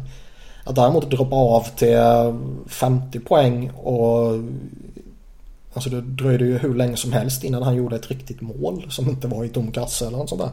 Ja exakt. Eh, Det var ju lite chockerande ändå. Ja, jag menar här- Pavelski har ju gått och blivit gammal också nu. Ja, Han är han är lite sådär smyggammal. smyggammal. Thornton är gammal på riktigt. Men liksom om det här 50 är liksom den nya normalnivån för honom och sen en knäskada på det också. Då kanske man inte kan förvänta sig att han lyfter sig liksom. Vilket han kanske behöver göra om Sharks ska kunna utmana igen. Ja, jag menar Burns måste ju fortsätta på den här inslagna vägen och pumpa Men det kommer in han nog poäng. göra. Ja. Där är jag inte särskilt orolig de kommande åren. Eh, Martin Jones är väl en kompetent målvakt liksom. Han kommer göra det bra. De har några bra sådana här. Vlasic är ju jätteduktig. Paul Martin tycker jag är bra. Um, Thornton pratar vi om. Pavelski är bra. Logan Couture är en jättebra center också. Mm. Som kanske behöver lyfta sig lite lite nu om de ska kunna ta och utmana igen liksom. ja. Men eh, Hertel måste ju hitta tillbaka till någon... Det han visade i inledningen av sin karriär. ja, Eh, men du vet bakom de här stora namnen så finns det ju inte jättemycket man kan hoppas på med full seriositet liksom. nej. Mikael Bödker eh, är ju vad han är liksom. Mm. Jonas Donskoj har tagit ett bra kliv från Europa in i NHL. Jannik Hansen, Hertel, Melker Karlsson. Sörensen. Ja, alltså. What you see is what you get känns det lite som. Det känns inte som det finns jättestor utvecklingspotential. Nej. Joel Ward tycker jag fortfarande är en bra winger men han börjar också bli gammal nu liksom. Jo, det är sant. Så det är väl en Kevin Laban man med stor reservation för det uttaget. Mm. Eh, Leban. Ja. Som, ja. Man kan hoppas på liksom. Mm. Uh, Han vad har man? Ja, Timo Meyer kanske? året. Timo Meyer kan mycket väl ta ett kliv och han har man väl väntat lite på. Eh, Men det är ju fortfarande den här nuvarande stommen som måste göra det. Ja, absolut. Mm. Och där är det lite frågetecken så det är ju ingen självklarhet. Nej, eh, fråga. Jag skulle inte bli förvånad om eh, ja, Sharks och Arizona byter plats typ. Nej, Nej absolut inte. Eh, lyssnarfråga som vi har fått in här om Sharks. Eh, har en fråga om Sharks backuppsättning. Tar Tim Hed sista platsen? Det tror jag nog att han har goda chanser att göra. Han har tydligen spelat ganska bra här på försäsongen. Um... Ja, alltså det ju, tidigare var det väl lite snack om att ja, de har väl fem spelare som är tämligen givna då Eller fem backar då i ordinarie mm. uppsättning som är tämligen givna. Och sen är det väl Dylan DeMelo och eh, Tim Hed som kanske gör upp om den sista ordinarie platsen då. Mm. Uh, ska man vara fördomsfull så kanske de ser Tim Hed som någon form av uh, vet, kaka på kaka alternativ bakom Burns. Och att man kanske då väljer uh, DeMelo istället och så får Hed fortsätta kämpa på ner i AOL där han har gjort det eh, framgångsrikt. Ja, det är kaka på kaka gillar vi. Alltså jag tycker inte det är något problem med de här eh, gamla gubbarna verkar ju fortfarande se det som ett problem. Mm. Ja. Eh, trea, där hittar vi Calgary och eh, hur ser vi på Flames? Kan man verkligen utmana? Eh... Jag kommer slå fast nej. Ja, då säger jag ja bara för att jag inte vill tycka samma sak som dig. Jag, jag tror man kan... Man, man, har en jättegod chans att ta sig till slutspel. Jag ser inga, ingen chock om man slutar trea i Pacific. Eh, däremot så tror jag man ryker i en första runda igen. Alltså man är ju ingen contender. Där ser jag inte dem. Eh. Där tycker jag fortfarande forwardsbesättningen kanske är lite för tunn. Även om topparna är väldigt, väldigt intressanta. Bra. Johnny Hockey, mm. a.k.a. Hockey i den här podden.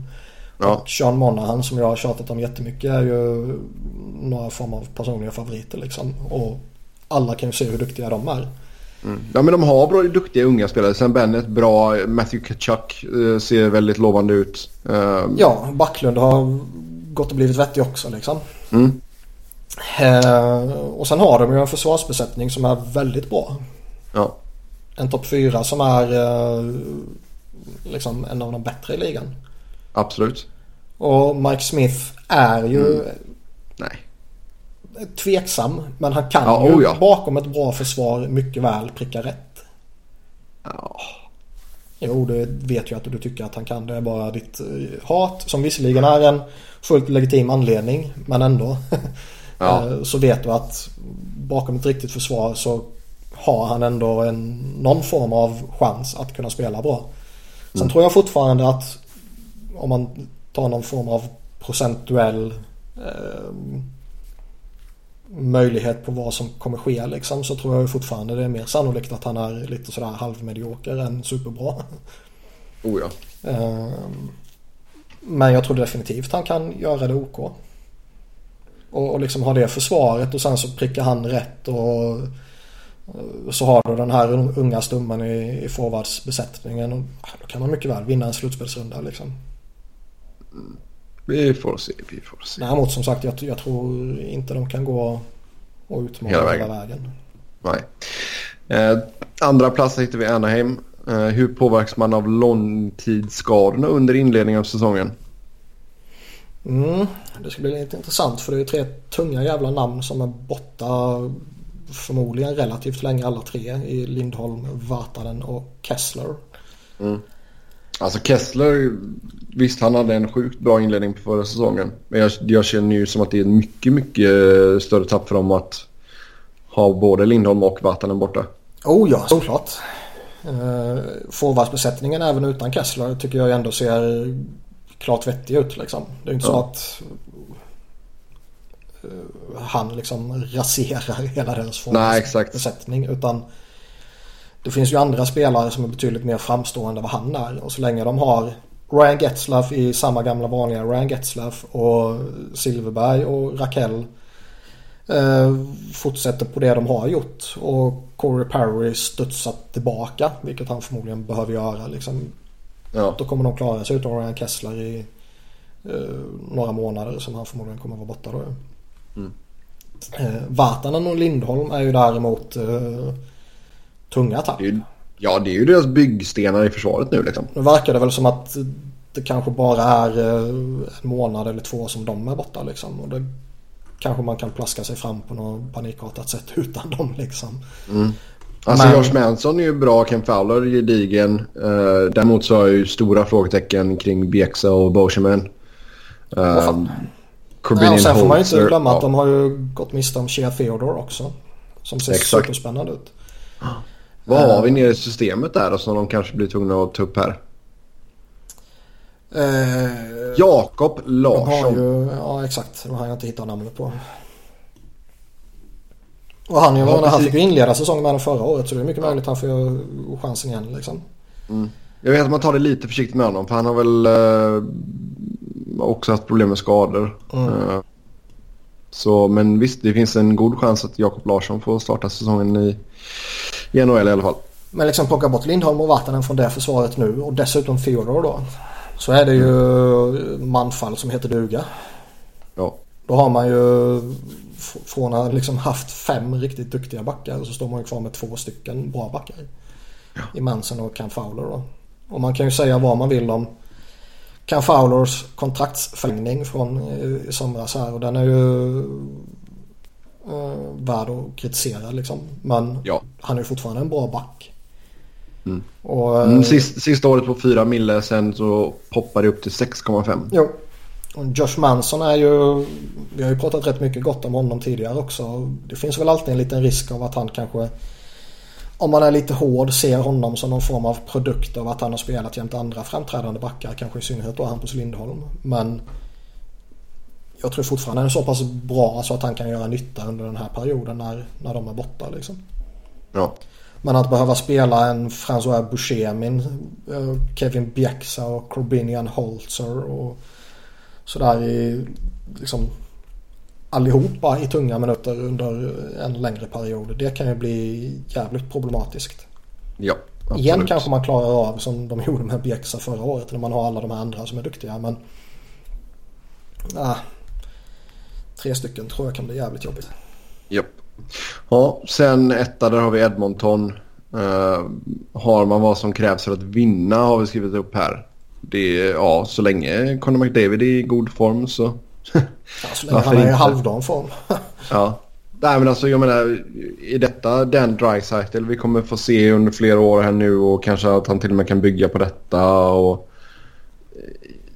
Alltså det här laget kan bli att räkna med på riktigt.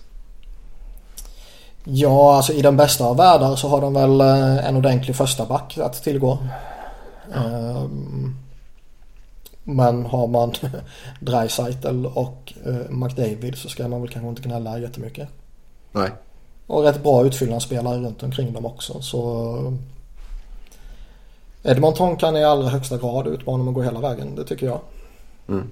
Jag tror man, får, alltså man kommer nog ens få mycket gratis här nu också med tanke på att Conor McDavid är så pass bra som han är. Och vi kommer ta upp en lyssnarfråga här. Men det kommer vara attraktivt att gå till Edmonton för och man kanske tar en liten discount för att man vet att man har, kommer ha en bra chans att vinna.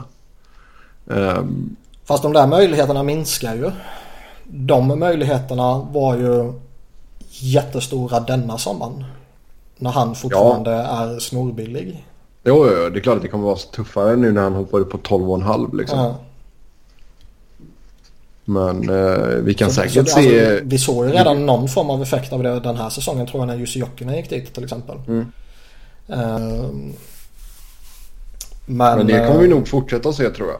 Lite sådär gedigna veteraner som tar ett eh, ettårskontrakt till billig peng. Ja, helt klart. Men jag tror inte det kommer bli så värst utbrett av den enkla anledningen att uh, man har ett lönetak att förhålla sig till. Mm. Uh, tittar vi på backsidan. Uh, ja, Kläffbom, Larsson är väl deras första par där.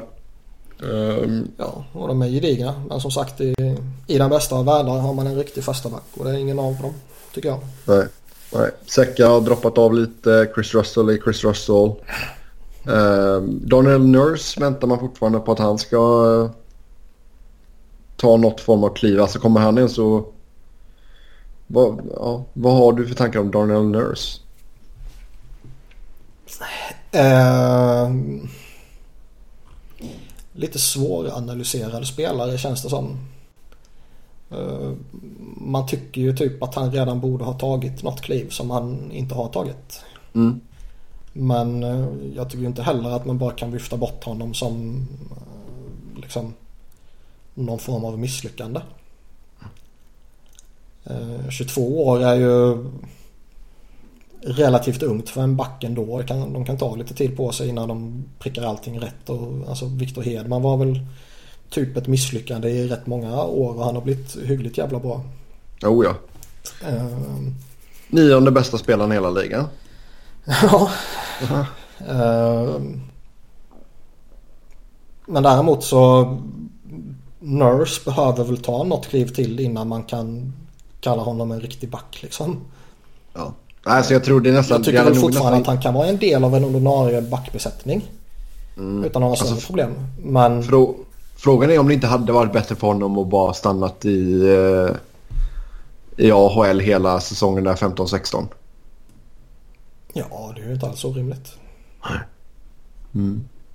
Ja, nej, det blir sjukt intressant. Jag har lyssnat fråga angående Conor McDavid och eh, den låter som följande. Kan ej tänka mig att vi någonsin kommer få se en spelare med McDavids talang igen.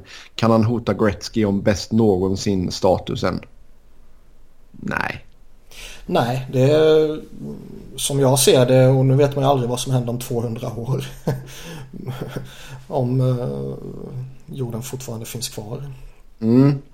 Men uh, som jag ser det i någon form av modern tid här så kommer det aldrig komma någon som kan utmana Gretzky av den enkla anledningen att eh, jag ser liksom inte att man kan upprepa hans poängskörd. Nej, exakt. Uh, att göra det han gjorde under så många år tror jag inte på. Sen kanske man bara tittar på ren råtalang så kanske McDavid överglänser honom liksom. Ja. Uh, men liksom alla de jävla poängen han tog, alla de titlarna han tog, alla de individuella awardsen han tog. Alltså, ja, det är jag ser inte att det finns det. en chans i världen att någon kan utmana honom. Nej. Men Conor McDavid är den nya superstjärnan. Det kan vi ju lugnt slå fast i alla fall. Nu, nu är han rankad som den bästa spelaren ja, i ligan också. Nolan Patrick. Oh, du, lugn nu. Eh, par lyssnarfrågor innan vi går in på eh, det där med fasen och allt det där som vi har gjort med samtliga divisioner. Eh, jag hoppas att ni var ironiska när ni sa att Datsuk var en skitspelare förra veckan. Eller vad syftade ni på? Vem anser ni är slash var bäst av Datsuk och Zetterberg? Och sen samma fråga om man går runt och tänker på Pronger eller Niedermeyer. Vem vill man ha i sitt lag? Och sen Fan, han bakar in många frågor i en fråga här. Mm. Så vi börjar med Dat Datsuk. Uh, jag kommer inte ihåg vad vi sa förra veckan. Uh, för en gångs skull kommer jag faktiskt ihåg. Okej, okay, ja bra. Då får men det du påminna mig. Misstänker jag att jag gör i alla fall. Men det var väl i samband med att vi plockade ut bästa femman liksom. Jaha, okej. Okay, okay. Och han är givetvis ingen skitspelare. Det, det tror jag de, de flesta förstår att... Uh, att vi inte menar det. Däremot så tycker jag ju att om man tittar på hela Red Wings historia så finns det spelare som är betydligt större mm. än vad han är. Mm. Nej, och det var väl i, i det sammanhanget som eh, han beskrevs ja, okay, som okay. skitspelare. Ja. En liten rysk trollkarl. Eh, bäst av Datsuk och Zetterberg? Eh, Datsuk utan tvekan tycker jag. Jag tycker ja. han hade en eh, Alltså inget ont om Zäta, han har ju varit jätteduktig. Eh, men jag tycker att Datsjuk hade en offensiv dimension och framförallt en liksom typ finurlighet som Zäta egentligen inte var i närheten av. Och sen eh, snabbt Pronger eller Niedermeyer? Ja, fan det är omöjligt alltså. Mm. Eh, jag älskar ju Pronger och han är ju en sjukt rolig spelartyp. Men Niedermeyer var ju jävligt bra alltså. Mm. Yes. Uh, sen... Uh... Lite olika spelartyper också ska vi tillägga. Så det kan ju vara ja. svårt att jämföra på det sättet också. Ska vi se. Sen vill han också ha våran topp 10 av ryska spelare i NHL genom tiderna. Ska vi beta av den snabbt? Uh, det finns väl ingen som kan utmana Ovechkin. Ovechkin, Fedorov, Fetisov, Bure, Malkin, Larionov. Fast alla de här uh, super-Sovjet-ryssarna. ja. uh, det är svårt att förhålla sig till dem om man bara tittar på NHL-karriär. Ja. Med tanke på att det var kanske inte riktigt där deras prime var. Uh, och liksom tar man det i ett större perspektiv så är ju deras legendarstatus så gigantisk så de i allra högsta grad ska uh, nämnas med den största respekt liksom. Mm. Men om man bara tar någon form av isolerad NHL-karriär så är jag inte så lika övertygad om att de ska vara så högt upp. Okej, okay, men då vi kan Eller? se vad... Nej, ja visst det är... Jag är ingen horse i det här racet. Uh, The Hockey News släppte sin lista över de topp 50 ryssarna i NHL här i somras. De har Malkin, Fedorov, Ovechkin, Bure, Datsuk, Subov, Habibulin, Mogilny, Gonchar och Bobrovski som sin topp 10. Mm. Ja, som sagt jag tycker väl Ovechkin är etta. Sen tycker jag det är svårt som fan att skilja på Fedorov och Malkin. Uh, föredrar nog Fedorov för att det är en, en form av coolhetsfaktor och eh, uh, icke-pingvinfaktor. Mm. Uh, Darius Kasparitis var nummer 24. han är ju lite cool i och för sig. Men ja, eh, han är topp 10 får han ju svårt för. Uh, ja. Mogilny ska ju vara där liksom. Han, han var ju jätteduktig. Mm. Alex Kovalev ska ju vara där också. Uh, kunde vara en jävla trollkarl. Yes. Kowalczyk ser in där med ju. Gonchar och Subov i synnerhet. Subov tror jag är aningen underskattade när man pratar stora backar under deras eh, generation liksom. Mm. Ja, det är sant. Boré ja. måste man ju hypa upp såklart. Yes. Då eh, får vi ta, nu får vi ta och lägga på ett call här. Uh, nu ska vi gå igenom lagen och säga vilken fas de är i. Uh, samt vad man borde göra och vad som fattas. Börja med Vegas. Man är Deras All-Star femma genom tiderna. Det kommer vi inte ens ta upp. Uh, berätta varför man missar slutspel. Ja, man har inte tillräckligt bra lag helt enkelt. Det, man är i en uppbyggnadsfas. Och det, det känns som man, man kan är... skippa Vegas i hela allt här. Ja, Vancouver går vi till. Ja, visst. Uh, Vancouver går vi till. Uh, fasen är att man står och stampar lite. Man väntar på att sedinarna ska säga tack och hej och sen är det dags att riva ner kalaset och bygga nytt. Om de överhuvudtaget river ner, för det finns ju knappt något att riva ner. ja, jo. Föryngra lite kan man väl säga att man ska göra. Ja, om de ens kommer mm. göra det. De kommer väl gå efter nya veteraner kan man kanske ja. misstänka. Ja, man missar slutspel på grund av att lagen framför dem känns lite bättre alltså. Det är så enkelt är det. Ja. Uh, Arizona där är man på uppgång. Uh, fasen man är fortfarande liksom i någon form av anpassningsfas känns det som. Ja, det, det, blir ett läroår, kan bli ett läroår för alla ungdomarna här nu om man inte lyckas liksom, eh, få ett slutspel. De, de, är ju lite motsatsen till vad Philadelphia kommer vara. Där Philadelphia har många etablerade duktiga veteraner i sin forwardsbesättning. Och mm. har en ny generation backar på uppgång. Och så är Arizona tvärtom liksom. Ja. Där de har en jävligt bra backbesättning och några unga forward som kommer bli superbra men som mycket väl kan ta en säsong eller två på sig. Mm. Sen LA, ja du. Det Tog slut, noll framtidsförhoppningar. Nej, men det, det är som vi sa där, alltså det är, Blake behöver skära bort fettet liksom. Det, mm. det kommer behövas eh, någon form av, av eh, retool här i alla fall. Det är en sak som är jävligt säkert. Mm. Um, varför man går till slutspel, ja det är ifall alla liksom, de bärande spelarna drar, drar sitt lass så att säga. Missar man slutspel. är ju fortfarande jättebra ju. Och ja. att ta sig till slutspel, ja det kan räcka med en väldigt bra stomme. Mm. Uh, skulle man missa slutspel så ja, då är det väl för att de inte dra sitt strå till stacken helt enkelt. Jo. Eh, San Jose, det är, man går för det nu medan man fortfarande kan. Eh, det är ett Samma lag som lite som kom- LA där stommen är fortfarande bra också. Mm. Även om som vi sa tidigare det finns vissa sådär frågetecken. Men stommen bör vara tillräckligt bra. Eh, Calgary, där är man... Eh, ja, vilken fas är Calgary? Alltså de ser ju sig själva som någon contender. Det har de varit ute och idrat om ju. Ja. Men eh, jag tror inte... Hybris. ja, men jag tror inte de andra, alla andra gör det liksom. Nej. Däremot så är det ett sånt där lag som bör ta sig till slutspel och som jag sa tidigare jag kan mycket väl se dem vinna en runda eller något sånt där och, och, och liksom kanske stjälpa ett, eh, ett större lag om man säger så. Mm. Men eh, en contender ser jag ju definitivt inte dem som. Nej. Anaheim, ja. Det är samma sak förra där. året liksom. Överlevde Ja. här första tiden med lite skadeproblem och, och liksom kom tillbaka starkt efter det. Och beroende på hur mycket Randy Carlyle kan förstöra så kan Anaheim definitivt utmana om att vinna hela skiten. Och Edmonton är ju på uppgång och nu så ska man väl ta nästa kliv och bli en bona fide contender då. Med Ja. McDavid i spetsen. Eh, ta, nu ska vi ta ut en All-star femma plus målvakt för varje lag. Vi skiter i Vegas som sagt. Vancouver. Eh, vem tar vi i mål för Vancouver? Måste väl vara Bob Lou. Eh, vad finns det någonting annat? Eh, Ja, om vi tänker tillbaka, tänker tillbaka lite längre i tiden.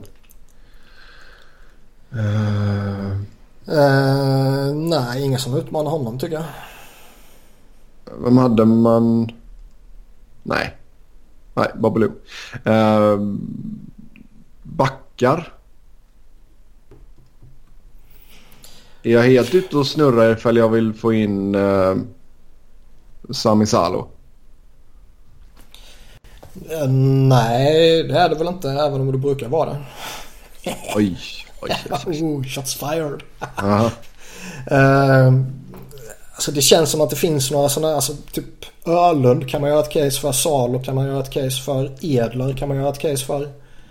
Ölund och Salo känns jäkligt stabilt. Ja. Ed dem. kanske liksom. Kirk, finns... Kirk McLean var det jag tänkte på när det kommer till målvakten annars. Jaha, ja. Bobby känns ändå... Ja, vi på det. Så Ölund och Salo eh, och sen eh, kör vi Henrik och Daniel och så pillar vi in eh, Trevor Linden också eller? Eller ska Börje eller Näslund in? Alltså det där är ju faktiskt en lite intressant diskussion. Ja, som vi inte har tid med just nu. Nej, nej. nej.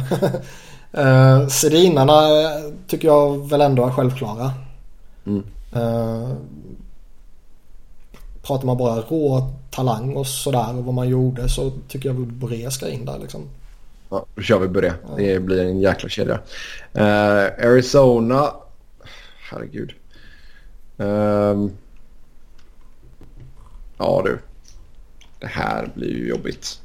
Nu tar vi bara de som har varit i Phoenix slash Arizona också? Ja, det kan man.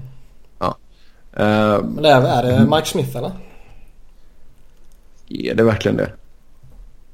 Um, Vad skulle det mer vara? Bruskalov? Bruskalov, Sean Burke. Sean Burke. Ja. Nej men då känns det som det är Mike Smith ju. Nej, jag får total veto där verkligen. Eh, vi kör Sean Burke för han är en god gubbe. Ehm, Jag får total veto. ja. Backar. Ehm, ja du. Vad har? Jandal, Numminen, Ja, Numminen Ekman tycker jag Larsson. känns... Numminen och Ekman Larsson kan vi ta. Ehm, och sen en forwardsuppsättning med Shane Doan får ju gå in självklart. JR ska väl in också.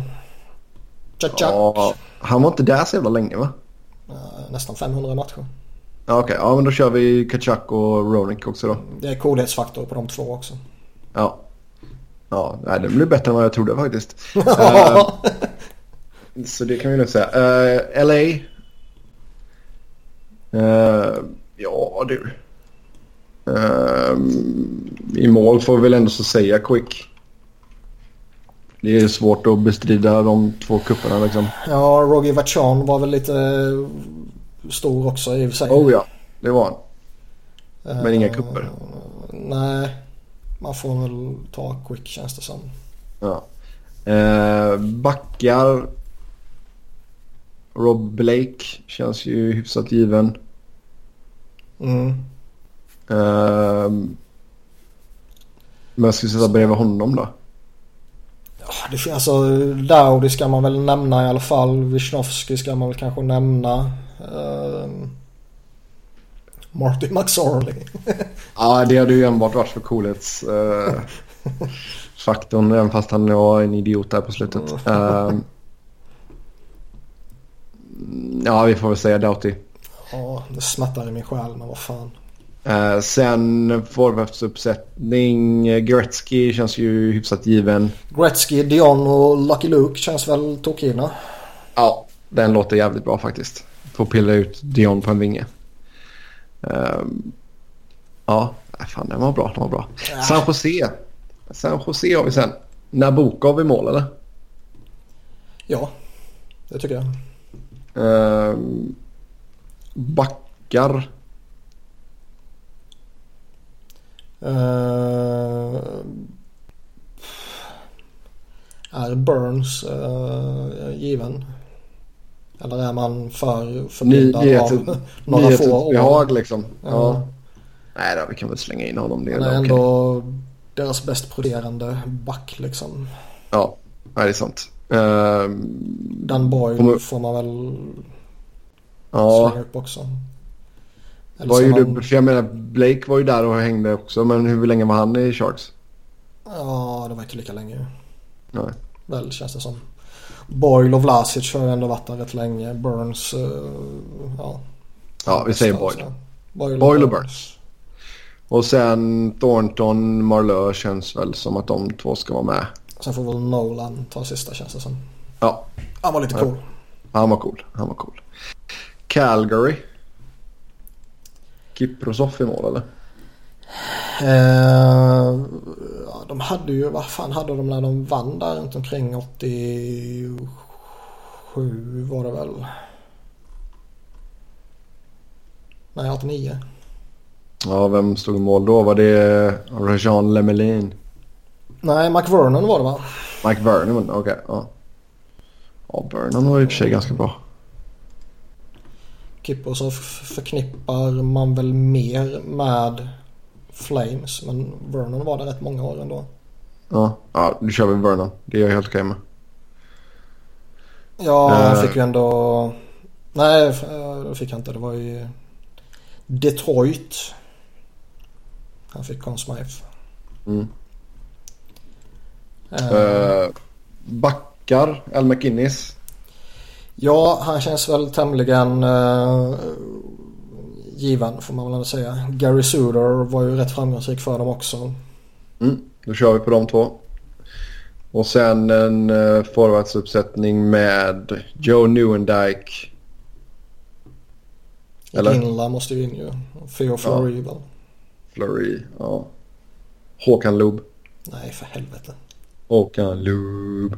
Håkan Loob. Inte en chans. Okej. Okay. Gary Roberts har ju lite coolhetsfaktor dock. Ja. ja, men vi kör dem. Newendike, Iginla, Flurry. Uh, Anaheim. Jean-Sebastien Giger. Ja, man måste ju ta honom. Uh, uh, finns väl back, annan. Sen är det väl Pronger och Niedermayer. Mm, Pronger, Niedermayer, uh, Korea, Selene och Gatlaff. Ja. Uh, det känns väl som att det borde inte vara någon som utmanar på riktigt även om Corey Perry borde göra det. mm.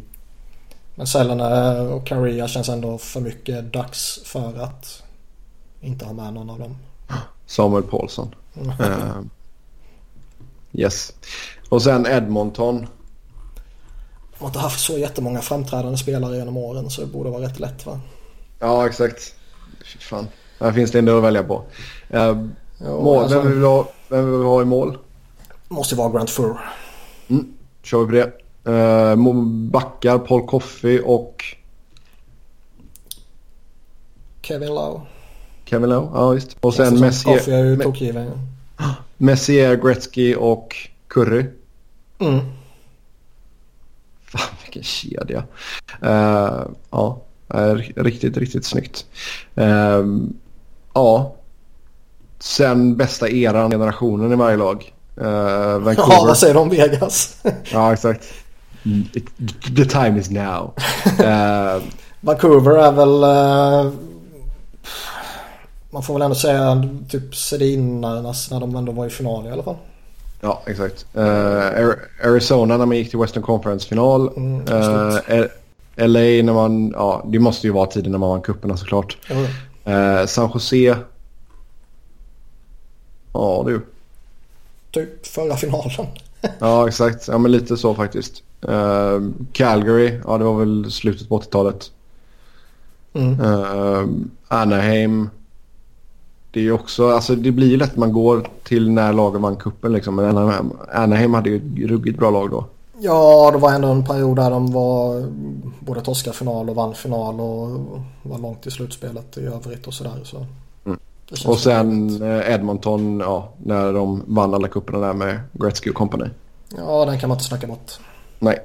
Med det så säger vi tack och hej för den här gången. Som vanligt så kan ni köta hockey med oss via Twitter. Mig hittar ni på @sebnoren. Niklas hittar ni på Niklas Wiberg. Niklas med C och enkel V. Och eh, tack återigen till alla er som skrivit in lyssnarfrågor nästa, eller nästa avsnitt av nästa vecka. Fan nu är det inte långt kvar. Nu är det en vecka kvar till premiären Niklas.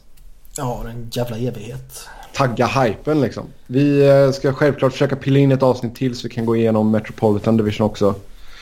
Um, så håll utkik nästa, ja, tidigt nästa vecka. Mm. Så är vi tillbaka, tillbaka i era öron. Tills dess, ha det gött. Hej!